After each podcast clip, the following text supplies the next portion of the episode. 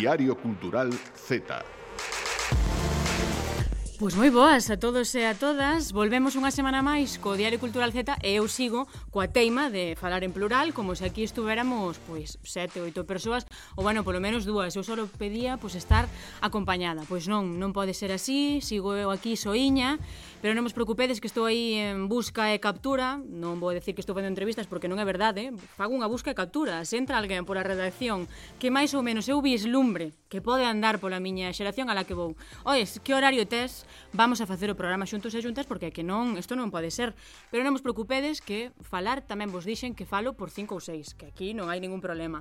E hoxe, como sabedes tamén, adoito comezar con un refrán Entón, pois o de hoxe vai relacionado coas viaxes, porque meu avó sempre di, os martes non emprendas viaxe, tamén di que non te cases, pero bueno, eu esa xa falaremos noutro momento. Pois mira, de os martes non adoito ir de viaxe porque, bueno, pois unha traballa, non? Xa me vedes, aquí estou.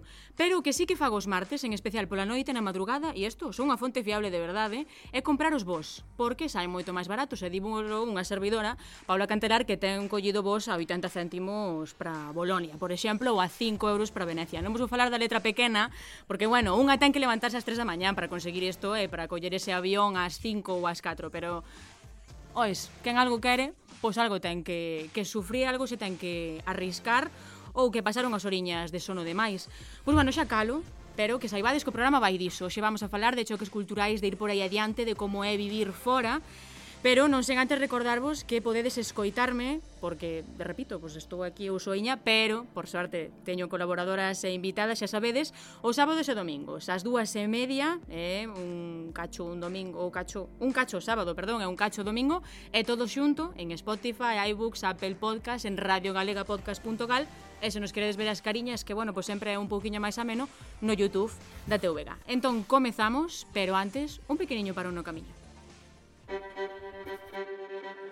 Pandeiretan abaranda, pandeiretan abaranda, viva que anda de amores, viva de amores. Era para recordarvos que a semana pasada tivemos por aquí aos mozos e as mozas da Fonsagrada que viñan, pois ben, a presentarnos por un lado a curtametraxe 360 curvas que vai sobre as movidas da Fonsagrada pero tamén os da foliada da Fonsagrada que ao mesmo tempo eran amigos e amigas entre eles e algúns forman parte deste grupo de Ninjures que está soando e que esperemos que, ademais de ter pasado polo que pasaron no anterior programa a presentar outros proxectos que nos veñan tamén falar de, de Ninjures. Pero, como vos dicía, hoxe temos temos outro aquel do que falar. Supoño que se falo de Malva, a ninguén lle soa raro este nome. Se estamos nas redes sociais, coñecemos a Malva. Se falamos galego, coñecemos a Malva. Se non falamos galego, tamén coñecemos a Malga. A Malva, a Malga, sí. Porque claro, é unha das estrelas do TikTok da nosa comunidade, do TikTok en galego. O seu perfil de TikTok é todomal.va como se todo fose mal. Ten máis de 11.000 seguidores, pero tamén ten un podcast, por exemplo, que se chama Malva e Duarte falan de misterios.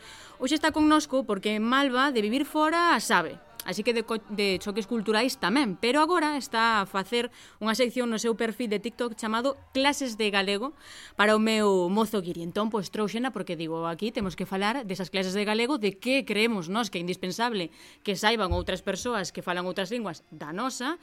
Entón, pois quen mellor que Malva. Boa tarde, Malva, que tal? Boa tarde, Dios mío, que emoción Que alegría estar aquí contigo hoxe Ai, pois pues a mí faime moitísima máis ilusión Porque xa che digo, todo o mundo ten que conocer a Malva eh, Se está dentro do TikTok Porque que senón, pois pues, non sei en que planeta viven Pero que eu especialmente Se teño que decir a dúas persoas da comunidade de, en galego en TikTok que, que coñecer así nos inicios, pois son Prado Rúa e Malva. O sea, xa, eres das pioneiras no, no galego no TikTok.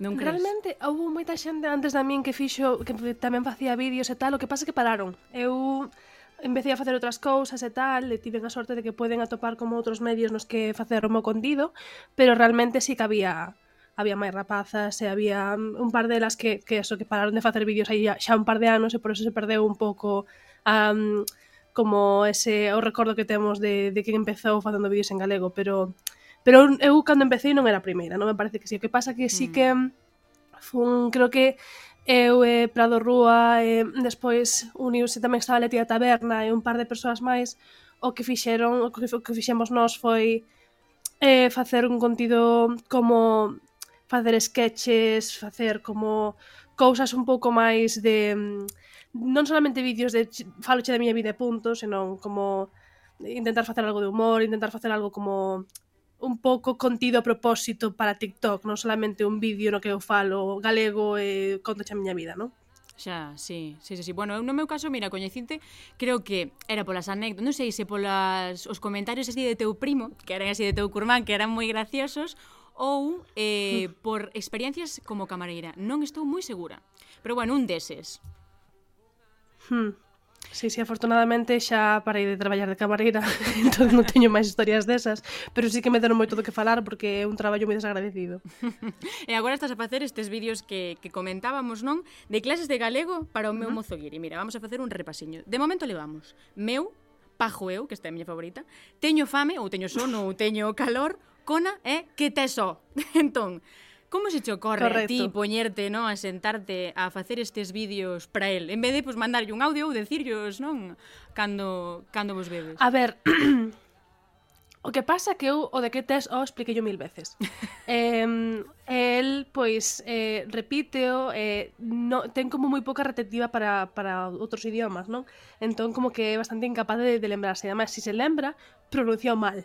Non, non mal de que pronuncia literalmente as palabras mal, senón que non sabe como poñer atitude, porque non podes dicir que te eso, tes que dicir con, con un pouco de con algo de ímpetu, un pouco de actitud, non? Sí. Entón, eso, dixen, pois pues, vou facerche un vídeo para eh, para que pois así podas aprender e eh, podas miralo outras veces que necesites refrescar a tua memoria. E despois un par de amigas que tamén teñen que son galegas, que teñen mozos de fora, tamén me dixeron, ai, pois se fos un vídeo, cando lles comentei que va a facer isto, fai un vídeo que, que lle podamos mandarnos ao noso tamén, así tamén aprenden. Entón aí saiu a idea de facer eses vídeos, non? Pero, mm. bueno, agora xa, xa estive como unha semana facendo casi un vídeo por día, e agora pararei... Ainda me quedan un par de leccións importantes, como bo, creo que é moi importante bo. que lle ensine bo. Buah, que xa é. Sí, eh, porque é unha expresión que, que, que fago que, que, que, me sale moitas veces ainda cando falo en inglés, pero digo que isto non, non que, que está entendendo el cando fago isto, non?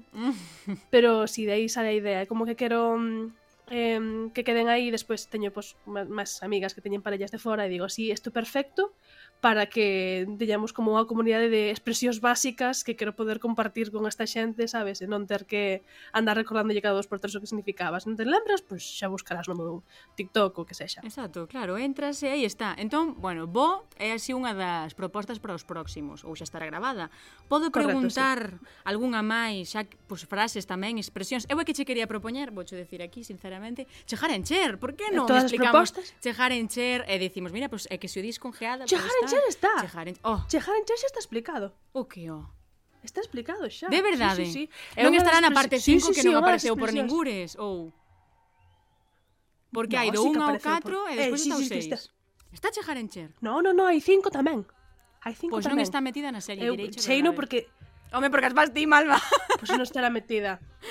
Claro. Non estará metida. Mira, aí compro, eso compro perfectamente. Ay. Está subida, sei que existe, porque porque ademais sí que mm, Chejaren Cher unha expresión que sei que lle fixo gracia, era un vídeo no que era, estaba Chejaren Cher e un par de expresións máis. Non me agora non me lembro mm. exactamente de, cal, de que expresións eran, pero eran esa máis outras dúas. Entón sí que está, pero sí que sí que para explicar a geada está moi ben. Mm. Eh, é unha expresión, e por eso sale no vídeo da geada despois, no que lle explico que é geada. Mira. Eh, pero bueno, que, que sí que me parece que é unha expresión moi boa eh, e eh, que además que eu tamén uso moito no meu día a día, entonces digo, este é unha, un básico.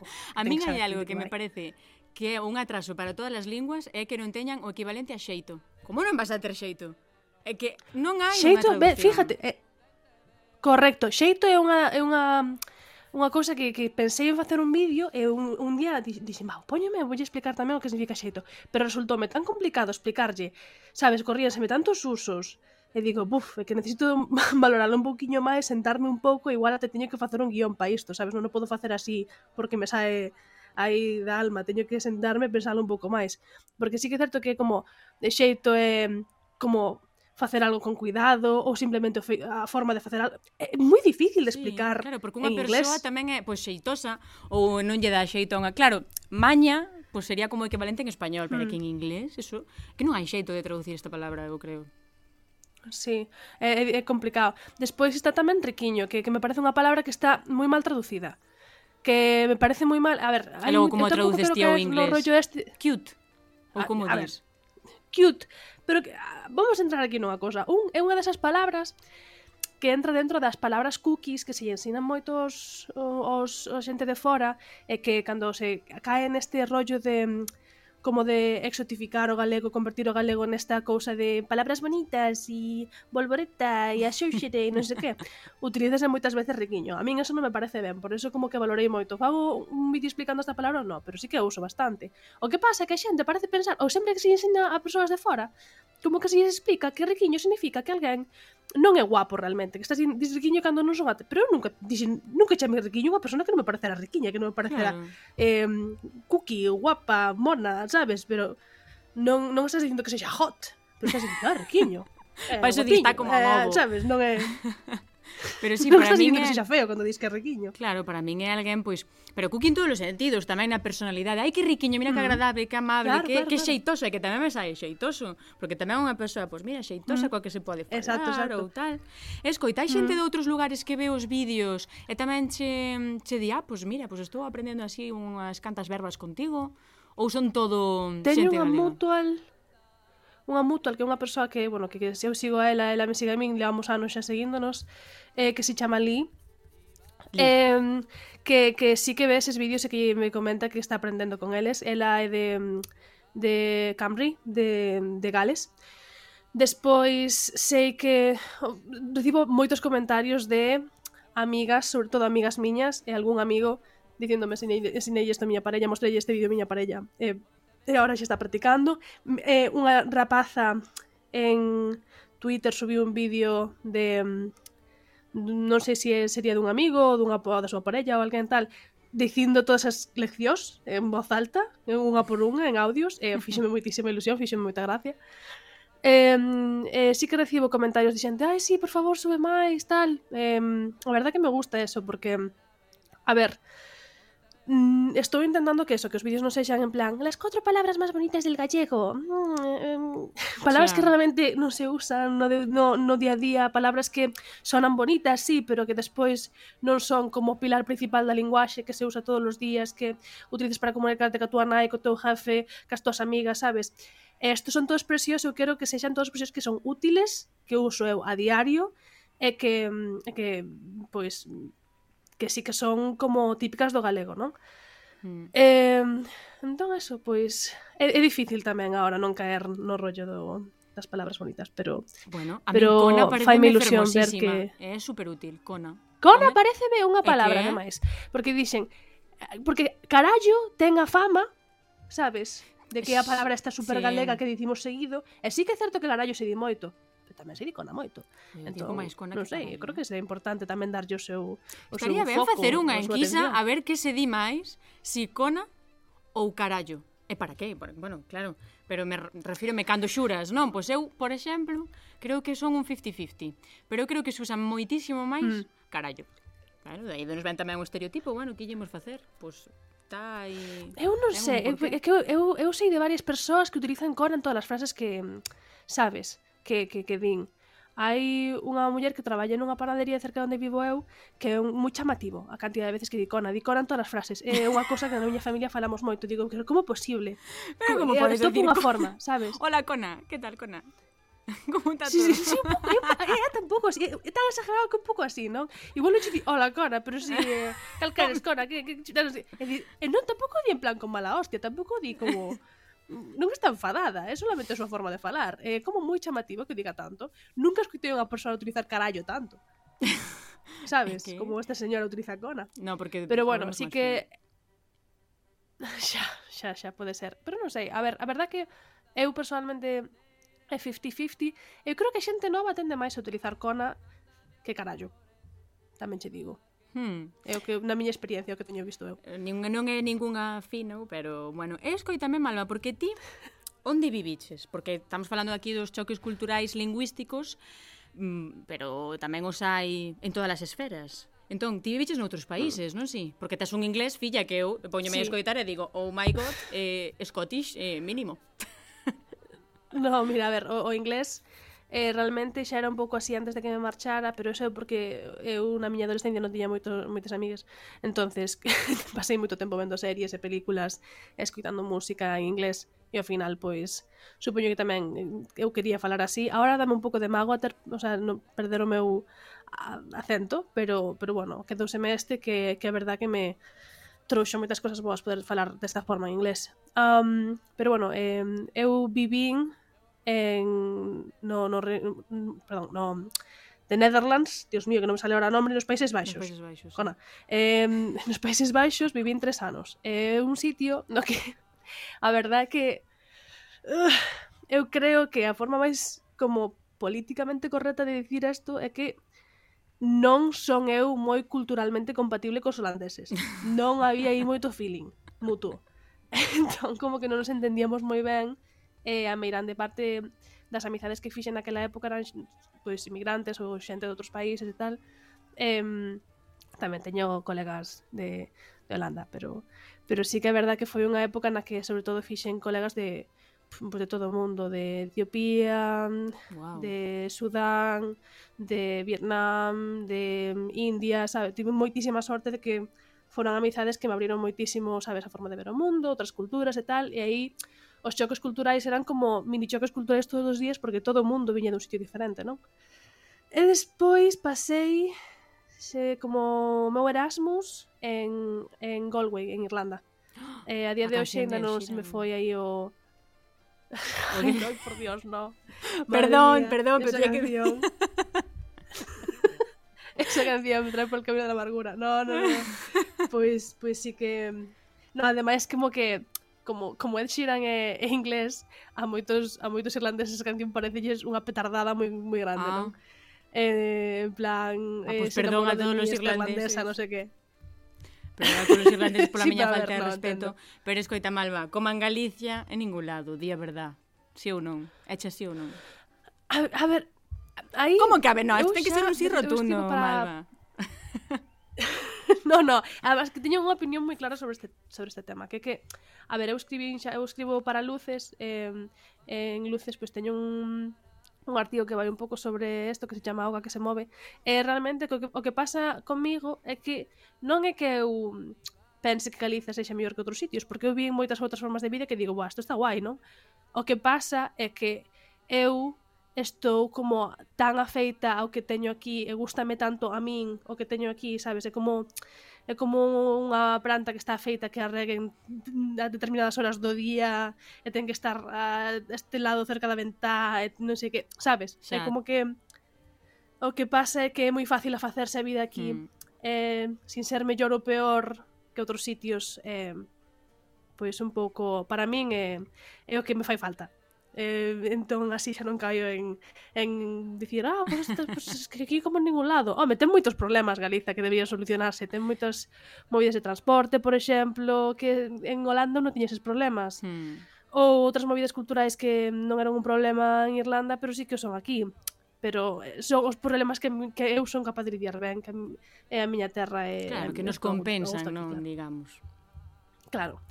Pois quedamos así con esta sabedoría lingüística, sabedoría en xeral de Malva. E moitísimas grazas por crear o contido tan tan chulo que creas, de verdade, xa che digo que mm, non che minto, xa che digo que che sigo desde o primeiro momento en que entrei en TikTok.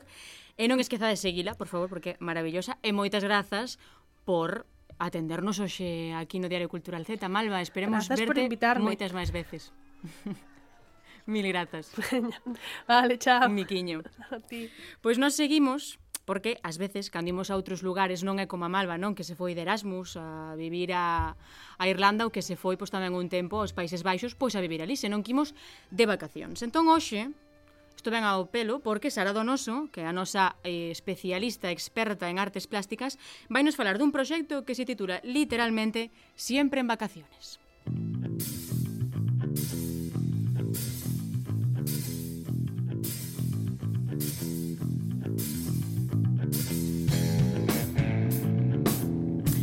Ola Sara, que tal? Que nos traes logo hoxe? Que te veches cocendo estas semaniñas preparando esta colaboración?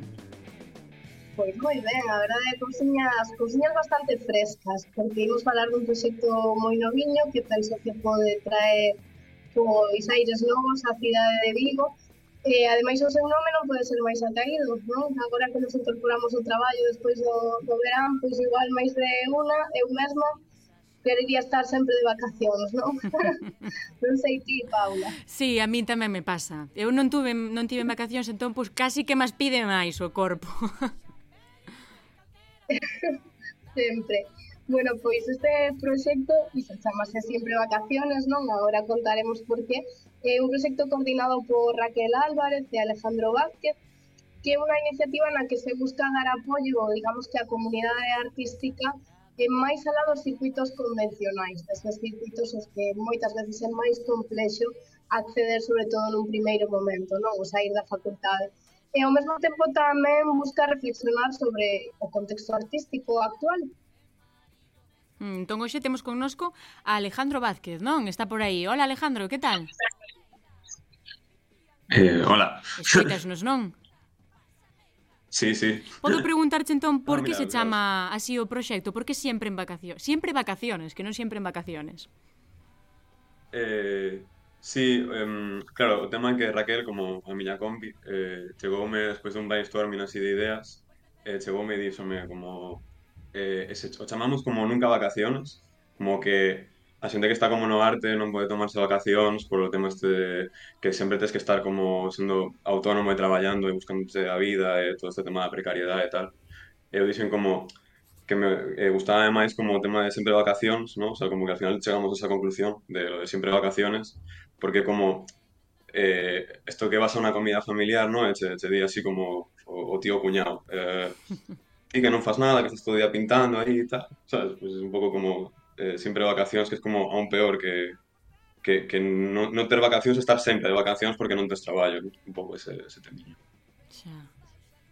Claro, hai moita é curioso, crítica. Alejandro, bueno, eh, bueno, Alejandro, moitas grazas por estar, que é unha pena que non poida estar aquí Raquel, pero, pero bueno, ti xa estás en, representación dos dous, e dicía que é curioso o que acabas de comentar porque tal cual, penso que que vai máis alá desa saída da facultade, non? E que continua a pasar pois varios anos despois, polo menos é o meu caso de, de moitas compis que traballan tamén no sistema de arte, porque sí, eh, non sei se dicir que estamos sempre traballando, nunca temos vacacións, porque literal, pero tamén é verdade que desde outros puntos de vista podese pensar non que hai como esa liberdade ou que ou que non se considera o suficiente, non?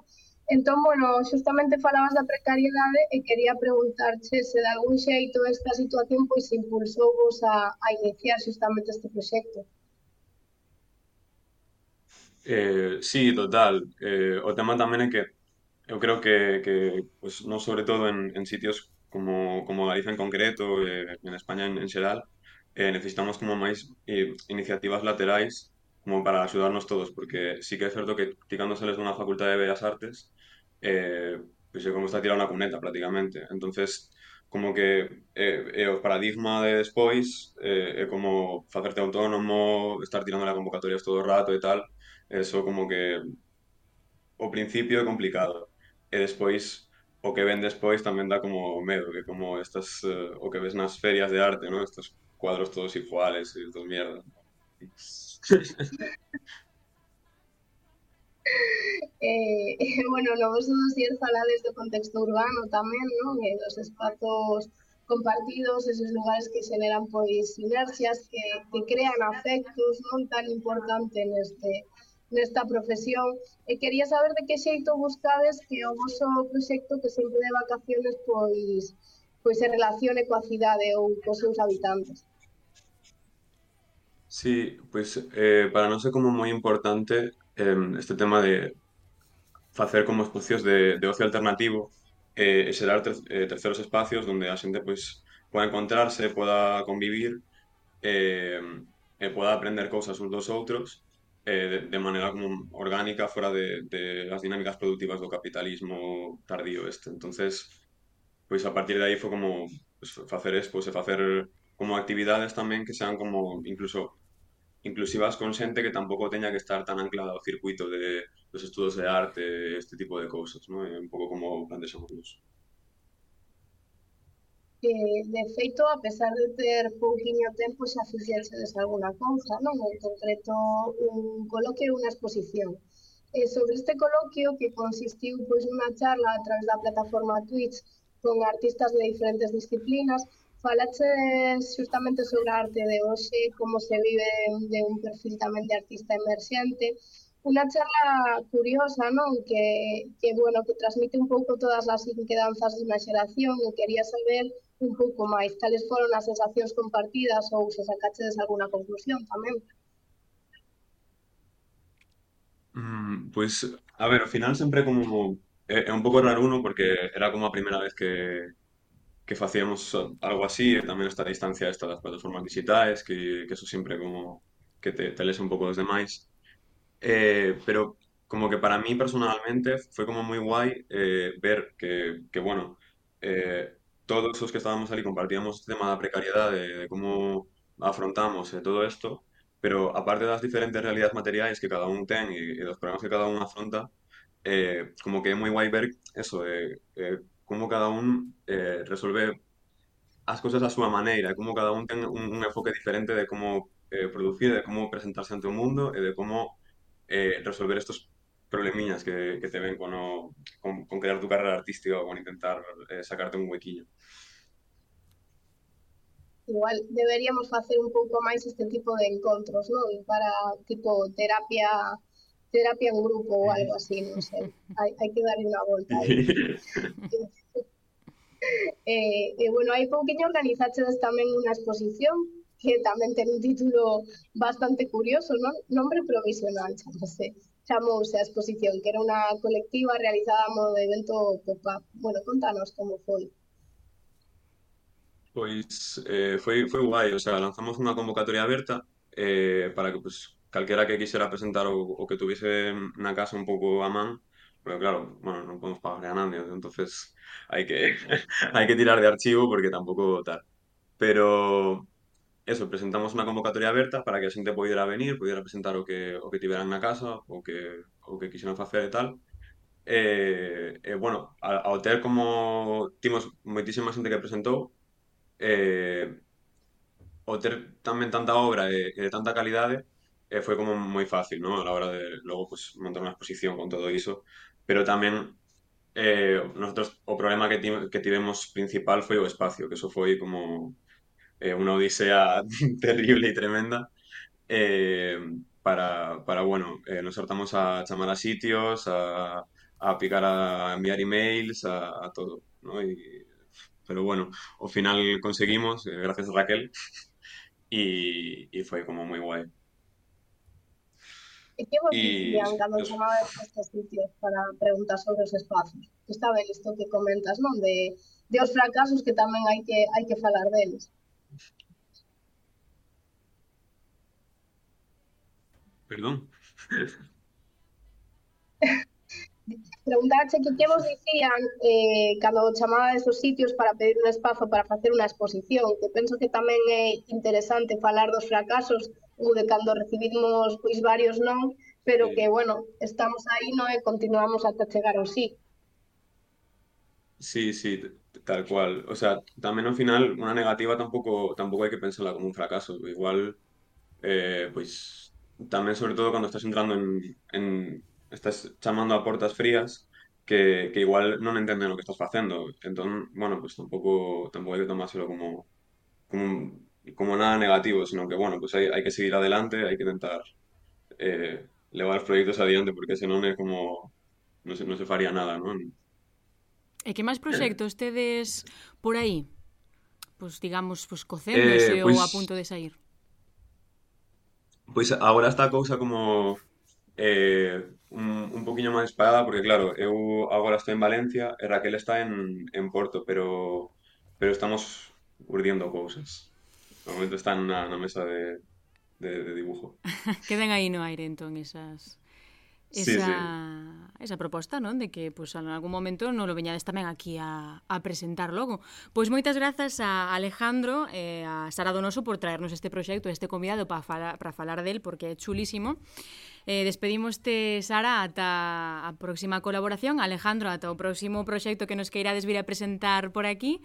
Moitas grazas e nós, pois, temos que seguir, porque non vos... Digo nós outra vez, e que teño aí vedes a teima de que estou acompañada. Sigo, sigo aquí. Non vos vades a cansar de min, espero, e senón, pois, tedes que aturarme. Pero antes, un poquinho de música antes de seguir.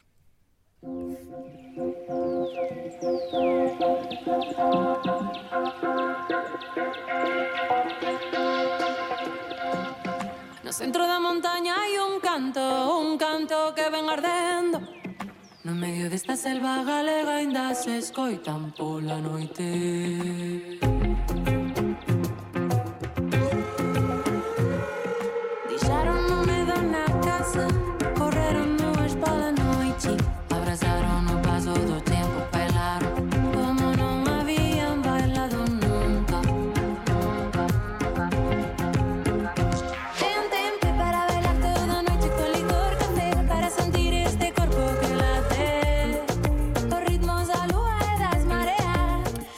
estamos falando de viaxes porque, bueno, a min encantaríame estar viaxando, entón, pois, como non podo, aquí vos traio este monográfico de viaxes. A mí encantame viaxar, tamén me encanta falar, pero, bueno, se si pudera estar facendo este programa nas Azores, por moito mellor que estaba, a ver, non nos imos a enganar.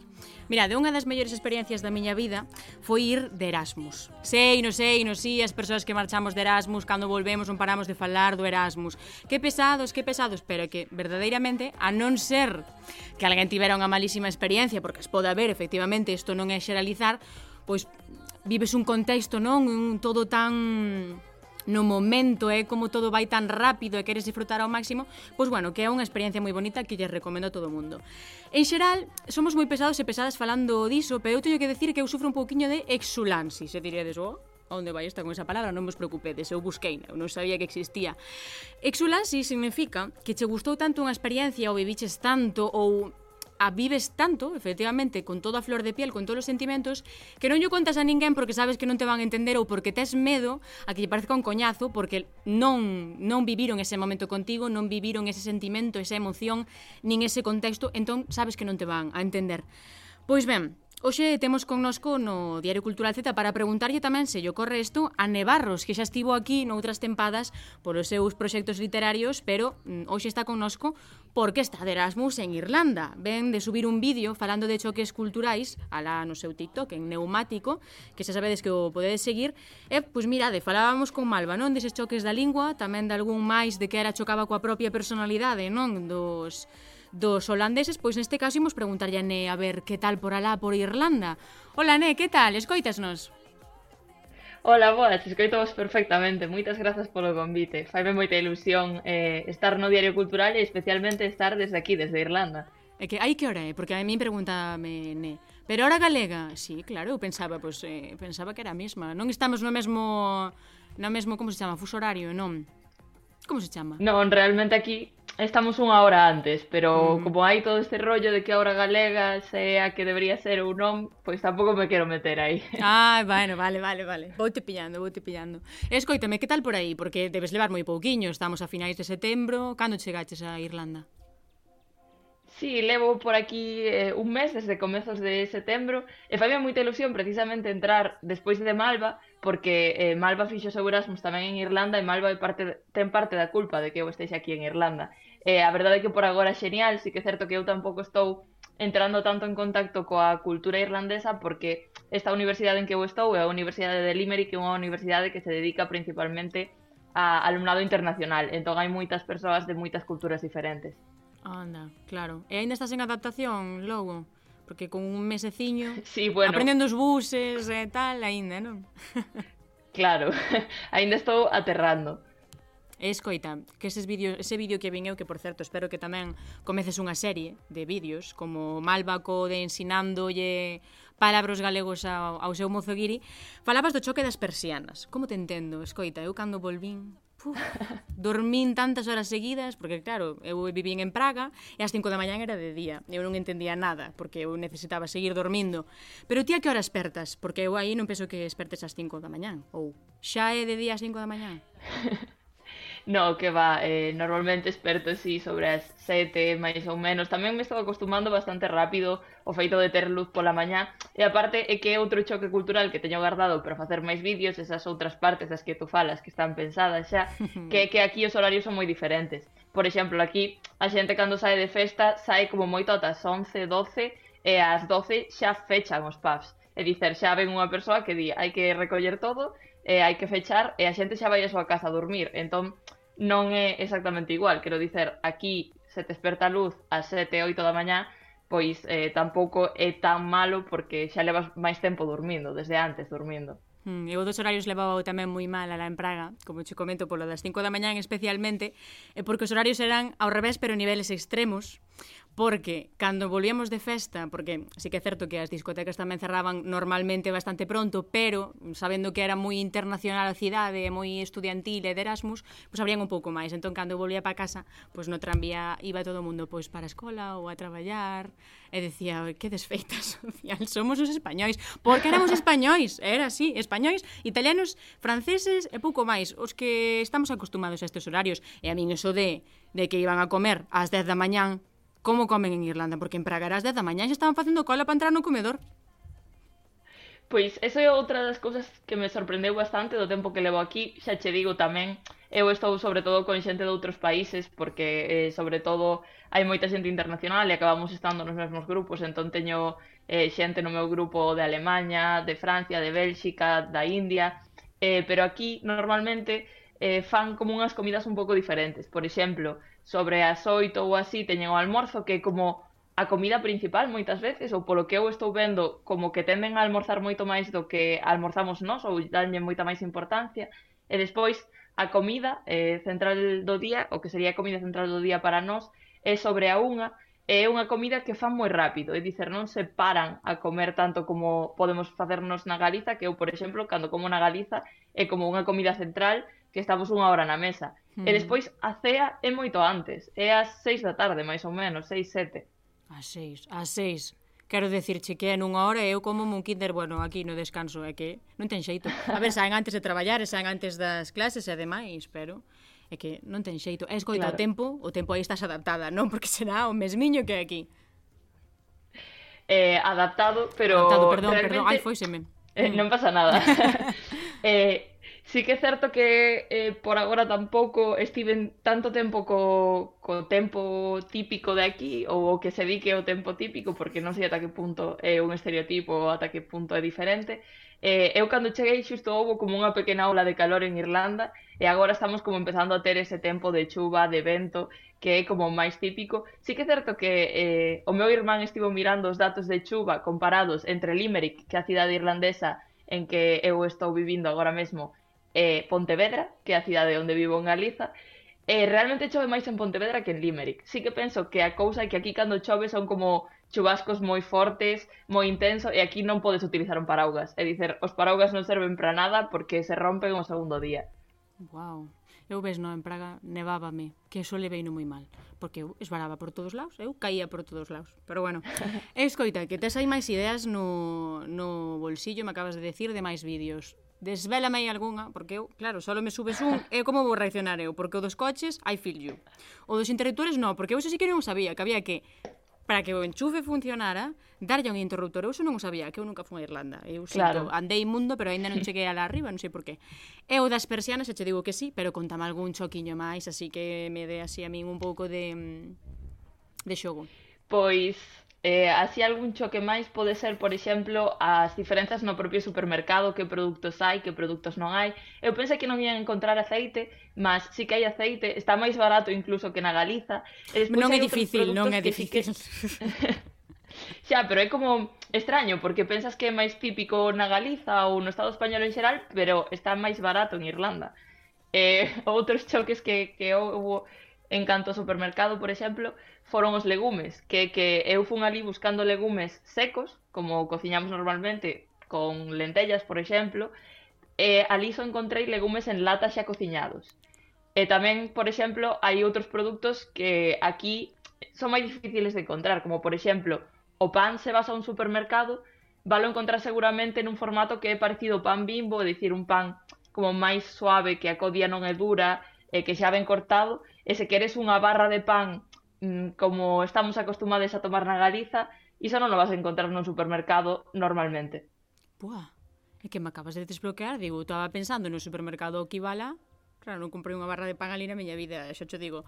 Pero non, é que non había zona de panadería. Oi, pero que tampouco había zona para cortar a carne, non había carnicería, nin charcutería, nin pes... Bueno, peixería xa eu eh, pasei no momento en Praga porque non había peixe, claro, está lá no medio, pois non lle chegara ben, só había salmón conxelado. Eu, pois, tuven que facerme, e agora encanta beber o salmón, me tomo entre peito e espalda, pero no momento digo que aquí todo comen carne, pero sí que tes, tes razón que non hai como zonas, no? Como aquí sí que hai, hai pasillos, que corredores que están pois especializados en bollería ou tal, pero non hai panaderías nos Ostra, que se me apuras non hai panaderías nas rúas. Eso sí que o sabía. Ves, eh, que non había panaderías nas rúas en moitas, como un establecemento en moitas cidades, en Praga pasaba, en Dublín entón tampouco hai panaderías ou refiriste só ao pan no supermercado? Eu refirme máis a ese pan con, con unha codia eh, Xa, no. dura que podes encontrar aí no, no supermercado. Aquí sí que teñen como sección de pan, pero é todo pan de tipo bimbo, é dicir, cunha codia desta blanda que non é así un pan pan como tomamos na Galiza. Ou outro choque que tamén pode ser así interesante é que ti cando vas a un lugar a tomar, por exemplo, unha cervexa, normalmente o que pides é ou unha pinta, que como medio litro máis ou menos ou eh, un vaso, que como algo menos, é a cousa que nunca che poñen nada con iso. É dicir, non tes nin unha tapa, nin nada, non é nada común poñer algo de comida para acompañar o que pides de beber. Xa, bueno, é que eso xa, saímos daqui e eh? non, non se fai. Mira, é que estou me acordando claro. un montón de cousas, desbloqueando así recordos. Eu recordo que unha das cousas que máis me chocara en na República Checa, non sei se pasa en máis países, en Austria tamén pasaba. Eh, a mí berrábanme por falar En plan, no, se si iba nun tren ou nun bus ou tal, e pois dicía unha amiga, va, pois en que parada eh, baixamos, tiñas a todo o mundo mirando. A veces, cheguei á conclusión, no, preguntei yo un día a unha checa porque, por que me miraban e dixeronme, home, eh, tes o pelo rizo e negro, o sea, eh, a veces é normal que te miren, dependendo de que barrios, eh, no que todo o mundo é rubio e eh, eh, de pelo liso. Pero era especialmente porque falamos alto. Ti eso nótalo, que falas máis alto noutros países que aquí. Eu a verdade que iso non, non notei e creo que en xeral a xente irlandesa coa que interactuei é bastante parecida á xente galega. Non quero caer nestes tópicos do celtismo de que somos a mesma xente en diferentes bueno, sitios. Bueno, aí está a túa sí comprobación xente... teórica. Estás aí, estálo comprobando? sí que... Claro, son xente como moi próxima, eh, polo xeral moi simpática e eh, creo que é moi fácil conectar desde a miña posición con, con xente dali. Aparte, algunha xente, cando lle falei de Galiza, sobre todo porque eu agora dentro da universidade, entre algunhas materias que teño, estou estudando unha materia de música tradicional irlandesa, eh, falelle de Galiza e xa me dixeron que sí que coñecían Galiza, que coñecían, por exemplo, a Carlos Núñez, que claro, ah. ten esa relación con música irlandesa, entón, polo menos é eh, como que hai cousas que me lembran a casa.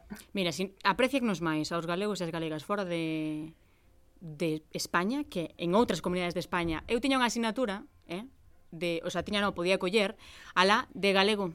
Flipas. Eu en Madrid un día dixen que falaba galego oh. e dixeron, eso non era un dialecto, perdona. O sea, que sábese máis fora de, de España que, es, que temos un idioma e que se chama galego que no resto do no resto das comunidades. Que che parece? Ta Tamén hai de dicer que moita xente irlandesa cando lle dixen que era de Galiza, preguntáronme ah, sí, eso é onde Bilbao, non? E sempre teño que explicar, ah, non, ah, é do outro lado. pois sí, pois un pouco próximas, eh, próximos sí que estamos. Pois ne, moitas grazas a disfrutar da experiencia, a ver se non xa me dirás a volta se sofres de exulansis ou non, acórdate, eh? Que non vas a querer falar do tema porque dice que non me vas a entender, primo, non me vas a entender, pois non che falo do tema. Así que, pois vémonos cando volvas e que disfrutes un montón que aínda che queda to, moitos meses por diante, eh, vaya. Obri, é un saúdo. Un saudiño. E agora, pois, imos coa voz e co acento máis bonito deste programa que eu cando pasa, pois é que marcho un poquinho máis relajada para casa, é como se tuvese aquí alguén que me fai SMR. Sica Romero, que nos vai falar da nova novela juvenil de Andrea Maceiras. Música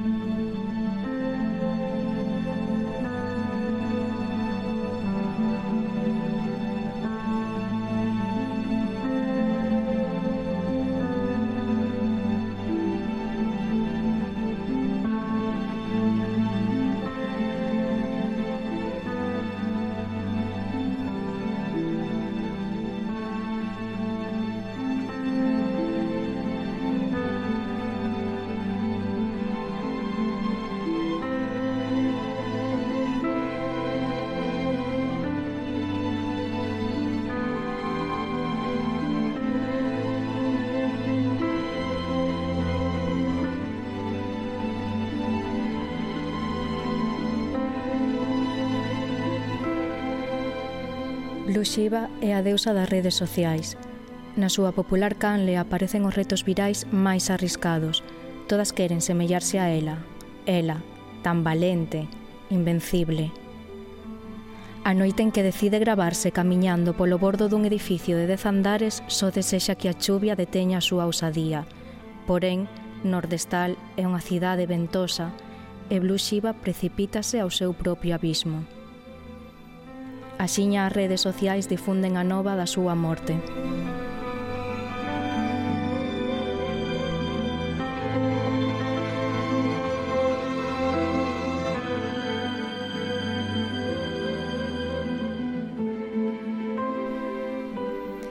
Do outro lado da pantalla, Ada, que non pode crer que Blue Shiva xa non exista, pídelle axuda á súa irmá xemelga Lúa e converte así en cómplice, Gabriel regresa a Nordestal guiado polos latexos do seu corazón, Ada, Lúa e Gabriel navegan entre o mar que nos axita por dentro e aquel outro que se abre alén das nosas pantallas, tinguido pola peor sombra e ao tempo capaz da maior luz.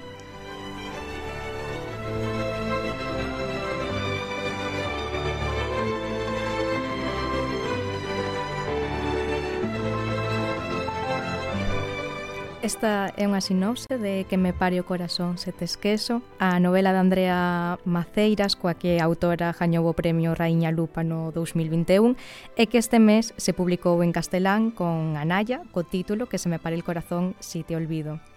Que tal, Andrea? Que tal? Moi boa tarde. Ai, que ilusión. é que me fai moita ilusión porque, mira, Mira, xa vou a, irme outra vez do guión. Conta, En fin, como sempre. O programa vai moito de viaxar é unha das lecturas que recordo moitísimo da época do instituto e do bacharelato, porque ademais coincidía un pouco como co momento do libro é Europa Express, onde pois uns rapaces que pois, se iban en de Interrail ao acabar o bacharelato se reencontraban e, bueno, pasaban cousas. E aquí a temos, e faime moita ilusión porque digo que cíclico todo, que circular. Mira, aquí está, Andrea Son Maceiras. as cousas da vida. Pois sí, son estas cousas que dis, Pois aparece aquí E acordaste de que lle decho o libro a outra persoa que non sabes onde está, que é o que lles comentaba cando chegaron. Onde está o meu libro? Dádeme o meu libro. Se alguén me está vendo, algunha amiga ou amigo, eu creo que o ten Paula Mosquera Albite. Dame o meu libro. de verdade que creo que o ten, así que que mo devolva. Paula Mosquera devolva o libro. O libro. Quiero mi libro. Pois eh, ti és licenciada en Filoloxía Galega e doutora en Filoloxía Hispánica. Eh, conversábamos antes ao redor de, eh, destes estudos non que parece que son escollidos xusto para ir por este camiño da, da literatura. Hai quen estudia veterinaria e tamén escribe, pero eh, aquí xa hai un pensamento de fondo e, e de hai tempo de que, bueno, eh, que sabes ben a onde te dirixes. Eh, de feito, publicaches a túa pro, a primeira novela, Proxecto Volvoreta no 2007. Uh -huh. E eh, non parastes de escribir ata o punto de que a día de hoxe, con 35 anos, non me equivoco, non? Son 35? Está ben. Está ben, está ben. a día de hoxe levas 13 libros publicados, eh, 8 infantís, 5 xuvenís. Mm, podo preguntarche cale... Eh, o teu pequeno máis máis querido? Oi, esa é unha das preguntas dificilísimas que moitas veces tamén me fan en centros escolares Eh, non me mollo, eh, ao final, porque... vaya, vaya. Pues aquí vamos a ter aquí o titular. o preferido sempre o que está por vir. É eh, ah. sempre o que o que segue, o que aínda non chegou, supoño que porque ten un pouco toda esa idealización que ao final ten a escrita antes de plasmala, non? O ben que queda na túa cabeza e despois o que faz xa sobre o seu papel que adoita diferir. Podemos dicir, logo, que estás en vías eh, de se libro número 14 da túa carreira. O 14, de feito, creo que sae a vindeira semana. Ai, mima. E Burbullas, titúlase oh. Burbullas de calma serena. É unha historia infantil que sae con cuarto de inverno. E, e bueno, pois está aí que se non saiu do prelo aínda, pois mm, a piques de sair do forno. Eh, pero bueno, tamén hai máis proxectos en camiño que, que son un pouco mm, no que estou a traballar agora mesmo. Eh, de feito, mm, está, acaba de sair do forno eh, que se me pare el corazón si te olvido, que é a tradución deste, eh, desta última novela. Eh, como está a ser o recibimento, a experiencia, eh, como, como é? Pois a verdade é que estou moi agradecida, porque realmente eh, está a ter moi boa acollida, sobre todo no mundo do Bookstagram, que é algo que mm. a min pois, me gusta moito e que paso moi ben, non? En todo este, este tipo de comunidades virtuais relacionadas co, coa literatura, coa lectura. Así que nese sentido satisfeita e, eh, e a expectativa, como sempre se está cando sai algo novo, cando algo se traduce. Sí. Eh, fíxate que estamos a ter aquí unhas coincidencias así que vos estou conectando. Eh, est estaba falando do, do mundo do Bookstagram, que uh -huh. é un mundo, exactamente. É un mundo, eh, sí. Tiñamos hai un par de programas a Violeta Melendre, e a última Litera Lupa. non fora de... E a mm, última... Mm, daquela era a última. Ela, eh, como recomendación literaria do día, eh, pois, pois falou de Que me pare o corazón. Mm. E eh, esa obra que vai sair en breves, con Cuarto de Inverno, tamén nos conecta un pouco ca anterior eh, persoa que, que, que estaba falando aquí, que é Ne Barros, sí. que tamén ten unha obra publicada en Cuarto de Inverno. Son, son estas cousas da, do panorama literario de Galicia. Eh, Entón, ti formas parte da, da tradución ou é unha labor que prefires deixar eh, a, a outra persoa, a, a editora en si sí mesma? Como, como é isto? De punto de partida, eh, facer unha traducción é complicadísimo, toda a miña admiración aos traductores e traductoras. E moitas veces, e, en outros libros previos, sí que me fixeron as traduccións, pois no caso de Conta Nove Estrelas traducín no Chus Fernández, uh eh, -huh. e, e claro, fixo xenial, porque é así. Neste caso, eh, por un motivo práctico, fundamentalmente, fun eu quen se ocupou da traducción. Eu quería que a historia a lesen en Anaya, na editorial, e eh, necesitaba mandala xa eh, traducida ao español. Así que fixen o que puiden, e, eh, bueno, pois despois acabamos de, de amañar todos eses aspectos que podían quedar eh, un pouco soltos. Eh, entón, sí que neste caso é unha autotraducción, que xa insisto en que é complicado, porque realmente dar forma a todo iso eh, moitas veces parece que, que os verbos, as, os tempos verbais sobre todo se te revelan, se dan a volta.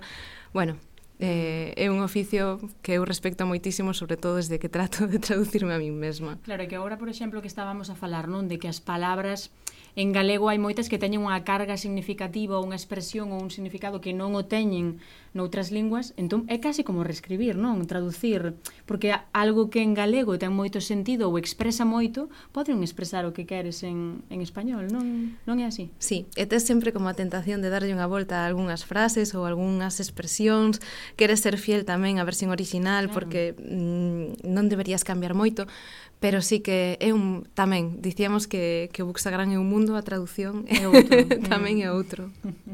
Totalmente.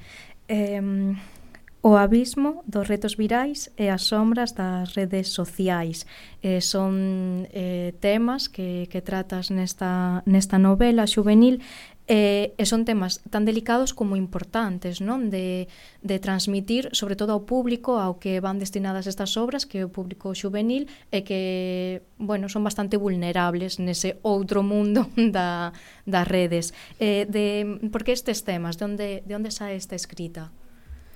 Ao final as redes sociais forman unha parte indispensable do noso mundo. Sexamos xente máis nova, menos nova ou xente adulta. Estamos todos condicionados por elas e, e vivimos inmersos e inmersas nelas, non? De feito, bueno, digamos que, que o xérmolo desta historia, a, mm, a esa, esa semente da que nace, é unha experiencia persoal que eu rescatei despois co tempo, coa chegada das redes sociais. Foi un reto mm, que pode parecerse aos retos virais que hoxendía temos asociados a este tipo de, de canles eh, virtuais, pero que eu vin presencialmente na entrada do meu colexo, sendo eu aínda mm, bastante nena, No cole da primaria, pois vin a dúas nenas facendo un reto do que se fala na novela que é o reto do apagón. Nunha época na que non existían nin redes sociais, nin ningún tipo de plataforma visual ou canle de vídeo. É dicir, non estaban a facer por ningún motivo que fose a popularidade, por así dicilo. Entón, co tempo, cando comezaron a aparecer todo este tipo de titulares en prensa de retos virais moi arriscados que tiñan consecuencias nefastas non para os implicados e as implicadas, eu recuperei aquela idea E pensei, pero se é algo que realmente ven desde moi atrás, onde está eh, a diferencia entre as adolescencias de hoxe e as adolescencias de antes. Existe realmente? Ou estamos a facer sempre o mesmo, só que adaptado a outros formatos, non por así claro. dicilo? E dai naceu un pouco a idea de que me pare o corazón se te esquezo. É moi interesante isto que estás a contar, porque xusto che a preguntar se te inspiraras eh, en algúns casos reais de, pois destas noticias que aparecen acerca eh, pois do, de retos que rematan mal, eh, porque cando non rematan mal tam, ninguén presta atención tampouco. En realidade é que os temos na vida mesma eh, dentro e fora da, das redes. Eh, A arte comeza no punto en que vivir non basta para expresar a propia vida. É, é unha frase que, que cito porque vim por aí nunha, nunha páxina túa e que mm, debe ter moito significado. Podes nos explicar un pouco o contexto eh, desa, desa frase? Pois esa frase eu creo que era unha das cousas máis bonitas que había no meu instituto. Estaba escrita en grafiti eh, pues, na entrada do pabellón deportivo eh, eu no recreo adoitaba estar por ali, por onde estaba esa frase, porque tamén era unha zona cuberta especialmente agradable, non, para, para estar nos días chuviosos. Eh, creo que, que de algún xeito o vela así a cotío me marcou. Eh, que co tempo, cando me preguntaron, cando comezaron a preguntarme pois en distintos contextos que era para min a arte, sempre se me viña esa frase, supoño que porque estaba aí grabada de algunha maneira. E eh, eh, que para min é certa, non? eh, chega un punto no que se necesita algo máis que a propia vida para de algún xeito vivila e quen sinte esa necesidade é habitualmente quen se adica pois a, a escrita, a pintura, a todo este tipo de, bueno, pois de oficios que, que teñen que ver coa creatividade, con, con esa necesidade de expresión ao final é que a literatura é, é ese, mm, esa cangle non para expresarse, pero tamén para sentirse recoñecida. Mm. É, é unha labor importantísima e, sobre todo, a min eh, inspírame moitísimo a literatura juvenil porque eh, coido que que ten moita relevancia en canto a, a quen chega e, e pola vulnerabilidade non das, das persoas que xa pois ser dunha idade máis curta xa é unha situación de vulnerabilidade en si sí mesma, penso. Eh, Claro, podemos falar de, de como nos atrae o perigo sendo máis novas, eh, a busca de situacións de, de de risco, eh, o pensamento de ser invencibles e de como eh, todo isto se ve maximizado nas redes sociais porque tamén hai xente eh, eh, empurrando non a, a, a que fajas esas cousas, a que mostres iso eh, ou tes hai unha aceptación. Eh, pero tal e como dicías realmente que eh, é algo casi human, humano, non? Eh, buscar todo iso sexa onde sexa. A realidade é que a aceptación mm, xa non só eh, facer cousas que, que nos poden poñer en perigo eh, non soamente se queda nas, nas redes entón tamén eh, gustame moito o, o teu discurso que non esperaba porque eh, saese diso de satanizar eh, o que pasa aí porque son malísimas cando ao final tamén é eh, como a literatura ou así outra outra canle, outro medio de expresión eh, e que pode facer moito ben.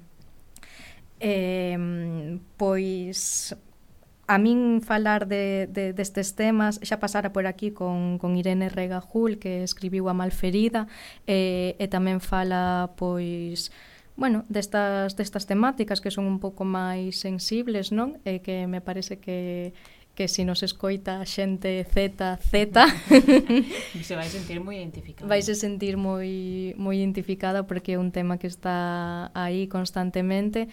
E eu agardo eh, en breves pois volver con Andrea Maceiras con porque se cuarta publicación que se aproxima.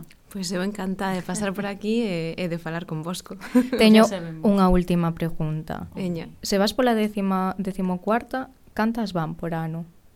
Oh, claro.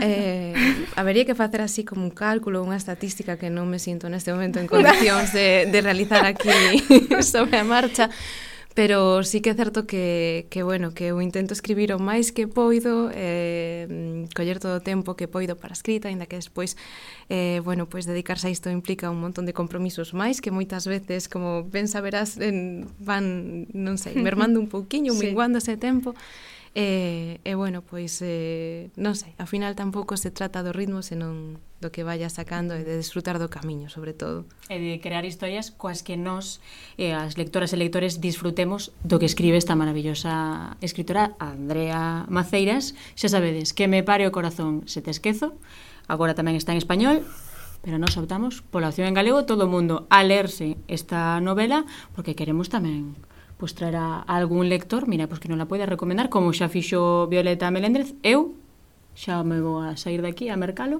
e a comentarvos que opinamos. Pois moitísimas grazas a Andrea Maceiras, a Sica Romero e nos marchamos agora sí que podo decirnos que estou ben acompañada en que sempre teño aí a German na técnica e a Mara e a Maca na produción. Ata a semana que ven a todos e a todas moitas grazas por estarnos escoitando unha semana máis. La, la, la, la, la.